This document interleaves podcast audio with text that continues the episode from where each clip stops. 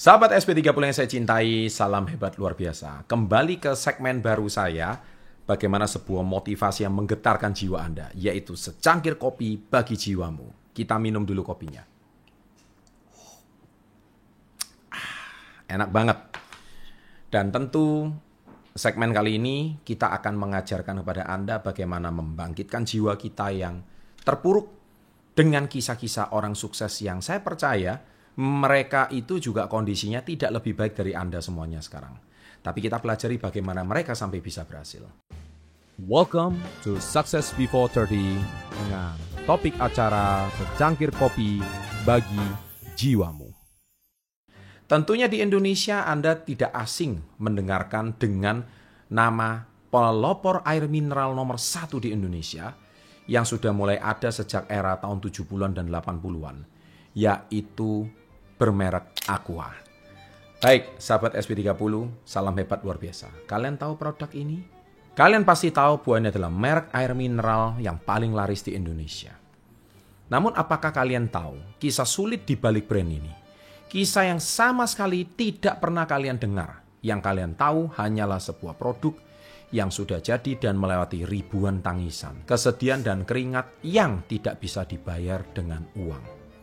Kisah ini menceritakan seorang pria bernama almarhum Bapak Tirto Utomo. Seorang pria yang telah menciptakan merek air mineral paling laris di Indonesia sampai saat ini.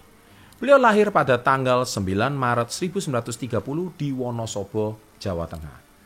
Saat kecil, ia menjalani hidupnya yang sudah terbilang sangat keras. Di saat beliau memasuki pendidikan SMP, beliau harus naik sepeda sekitar 60 km dari rumahnya ke sekolah karena pada saat itu di Wonosobo belum ada SMP.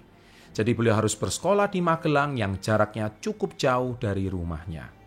Orang tua Bapak Tirto adalah memiliki usaha susu sapi dan pedagang ternak yang bisa dikatakan cukup lumayan sukses untuk membiayai pendidikan uh, Tirto untuk bersekolah.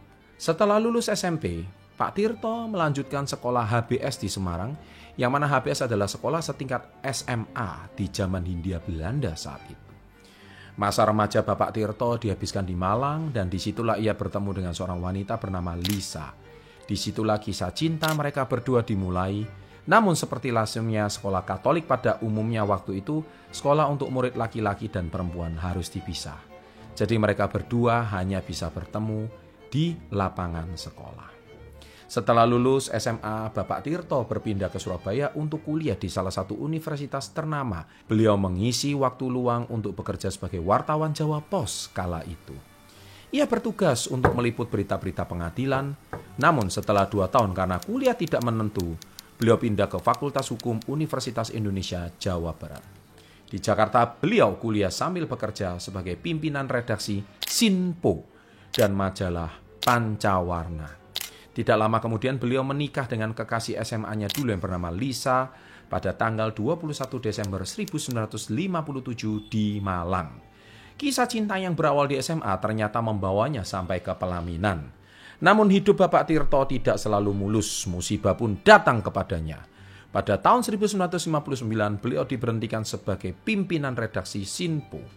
Akibatnya sumber keuangan keluarga beliau menjadi sulit dan tidak ada lagi kejelasan. Namun karena peristiwa menyedihkan itulah yang membuat beliau membulatkan tekadnya untuk menyelesaikan kuliahnya di Fakultas Hukum Universitas Indonesia. Sementara isinya, Lisa berperan sebagai pencari nafkah tambahan dengan cara mengajar dan membuka catering. Bapak Tirto pun belajar dan juga ikut membantu istrinya. Pada Oktober 1960, Pak Tirto Utomo pada akhirnya mendapatkan gelar sarjana hukumnya. Beliau pun melamar di Permina, perusahaan minyak nasional, yang merupakan cikal bakal Pertamina. Beliau pun diterima di sana, beliau ditempatkan di pangkalan Brandan. Di sana keperluan mandi masih menggunakan air sungai. Namun berkat ketekunannya beliau akhirnya menanjak karirnya dan diberikan kepercayaan sebagai ujung tombak pemasaran minyak Beliau akhirnya diangkat menjadi wakil kepala hukum dan pemasaran luar negeri Pertamina yang membuat sebagian hidupnya berada di luar negeri. Lalu, pada tahun 1971, Bapak Tirto Utomo melakukan negosiasi kontrak kerjasama dengan perusahaan Amerika Serikat. Namun negosiasi tersebut tidak berjalan mulus karena istri delegasi dari Amerika Serikat mendadak terkena diare karena mengkonsumsi air yang tidak bersih yang telah disediakan. Pak Tirto pun akhirnya sadar bahwa orang bule tidak terbiasa mengkonsumsi air sumur yang direbus, namun steril. Karena kejadian tersebut, beliau berpikir bagaimana caranya agar bisa menyediakan air mineral yang dikemas dengan steril dan dapat dikonsumsi oleh semua orang. Setelah saat itu, ia mengirimkan adiknya yang bernama Slamet Utomo magang di Thailand di perusahaan Polaris untuk mempelajari seluk-beluk bagaimana air mineral dapat dikemas setelah adiknya selesai magang di Thailand dan kembali ke Indonesia dengan modal sebesar 150 juta rupiah uang saat itu, bersama adiknya Selamat Utomo, mereka mendirikan pabrik di Bekasi pada tahun 1973 dengan nama PT Golden Mississippi dengan merek produk awalnya bernama Puritas. Karyawan Bapak Tirto Utomo dan adiknya mulanya berjumlah 38 orang dan mampu memproduksi 6 juta liter per tahun. Hal tersebut membuat Bapak Tirto yakin bahwa perusahaannya ini akan maju dan akhirnya ia rela keluar dari pekerjaannya saat itu yang telah menjadi wakil kepala hukum dan pemasaran luar negeri Pertamina demi meneruskan usaha pribadinya ini. Dan fokus meraih tujuannya yaitu menciptakan air mineral steril kemasan yang bisa dinikmati semua orang dan kalangan. Beliau dan adiknya pun menggali sumur di pabrik pertama yang dibangunnya di atas tanah seluar 7.110 meter persegi di Bekasi. Tidak lama kemudian, atas masukan dari Yulindra Lim, seorang konsultan Indonesia yang bermukim di Singapura, menyarankan agar menggunakan nama Aqua. Ia percaya bahwa Aqua sangat mudah diucapkan dan mudah diingat selain bermakna air. Aqua bukanlah nama yang asing baginya karena ia sering sekali memakai nama samaran Aqua yang bunyinya mirip dengan nama Aqua. Semasa hidup beliau menjadi pemimpin redaksi harian Sinpo dulu dan majalah Pancawarna pada tahun 1950. Nama Aqua sendiri diambil dari nama aslinya yaitu Kwa Xian Biao. Sedangkan nama Tirto Utomo mulai dipakainya pertengahan tahun 1960-an yang tidak sengaja diambil yang berarti air yang utama. Tirto Utomo, air yang utama. Di situlah beliau merasa ini adalah panggilan dan jawaban untuk produknya. Setelah bekerja keras dan penuh keringat, lebih dari setahun produk pertamanya Aqua pada akhirnya diluncurkan pada 1 Oktober 1974. Pada saat itu minuman berkarbonasi seperti Coca-Cola, Sprite, 7-Up, dan Green Spot sedang naik daun. Sedangkan ide untuk menjual air putih tanpa warna dan rasa bisa dianggap sebagai gagasan gila dan tidak masuk akal bagi kalangan banyak orang. Hingga 1978 penjualan Aqua pun belum berhasil menghasilkan penjualan yang signifikan. Bapak Tirto Utomo pun berpikir untuk menutup perusahaan yang telah ia dirikan selama ini. Ia merasa lelah dan sedih karena selama sekitar lima tahun usaha ini berdiri, namun belum menemukan titik impas atau break even point yang bisa ia raih. Beliau tidak tahan harus menombok terus-menerus untuk Aqua bisa tetap berdiri. Namun ia selalu percaya bahwa selalu ada rezeki bagi yang ulet dan tabah. Pada akhirnya beliau bersama manajemennya sepakat untuk mengeluarkan strategi terakhir untuk Aqua dengan cara menaikkan harga jualnya hampir tiga kali lipat. Gila ya. Ide tersebut bisa dibilang ide bunuh diri, namun beliau percaya bahwa itu adalah cara satu-satunya agar perusahaannya tetap bisa berdiri tegak, survive. Karena pada saat itu perusahaannya sedang di masa sangat kritis dan bukannya menurunkan harga, melainkan menaikkan harganya tiga kali lipat. Namun Bapak Tirto Utomo sudah mengantisipasi hal tersebut jika cara ini malah menurunkan drastik omsetnya. Namun anehnya, pasar berbicara lain. Omset bukannya menurun, malah terdongkrak naik. Orang banyak menilai bahwa harga tinggi sama dengan mutu tinggi. Aqua pun akhirnya mulai melayani sistem berlangganan.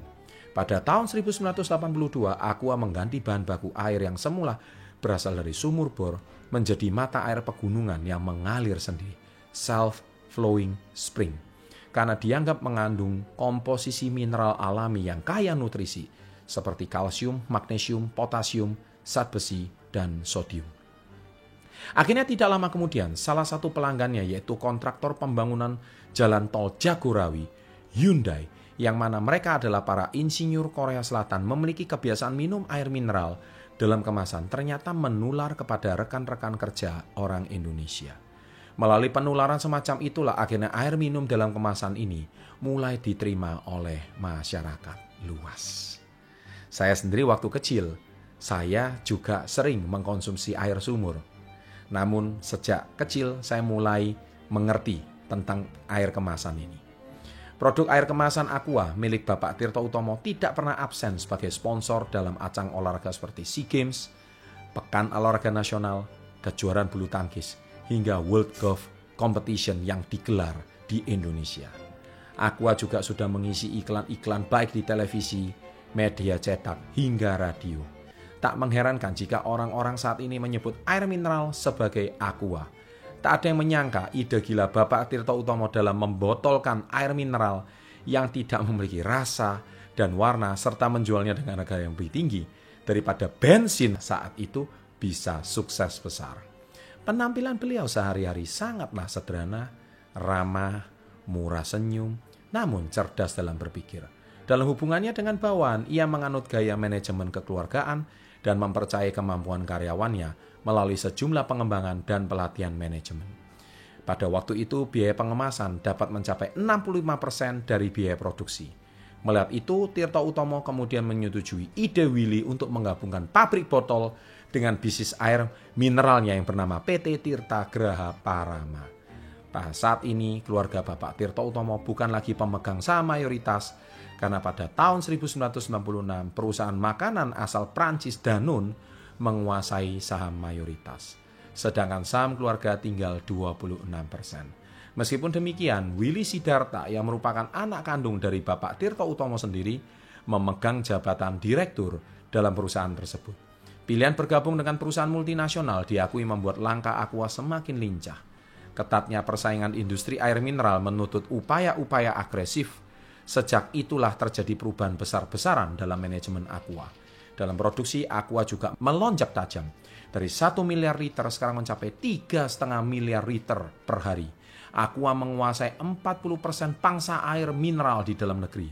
Dalam biografi Bapak Tirto Utomo, Beliau diketahui bahwa beliau wafat pada tahun 16 Maret 1994 di umurnya yang ke-64.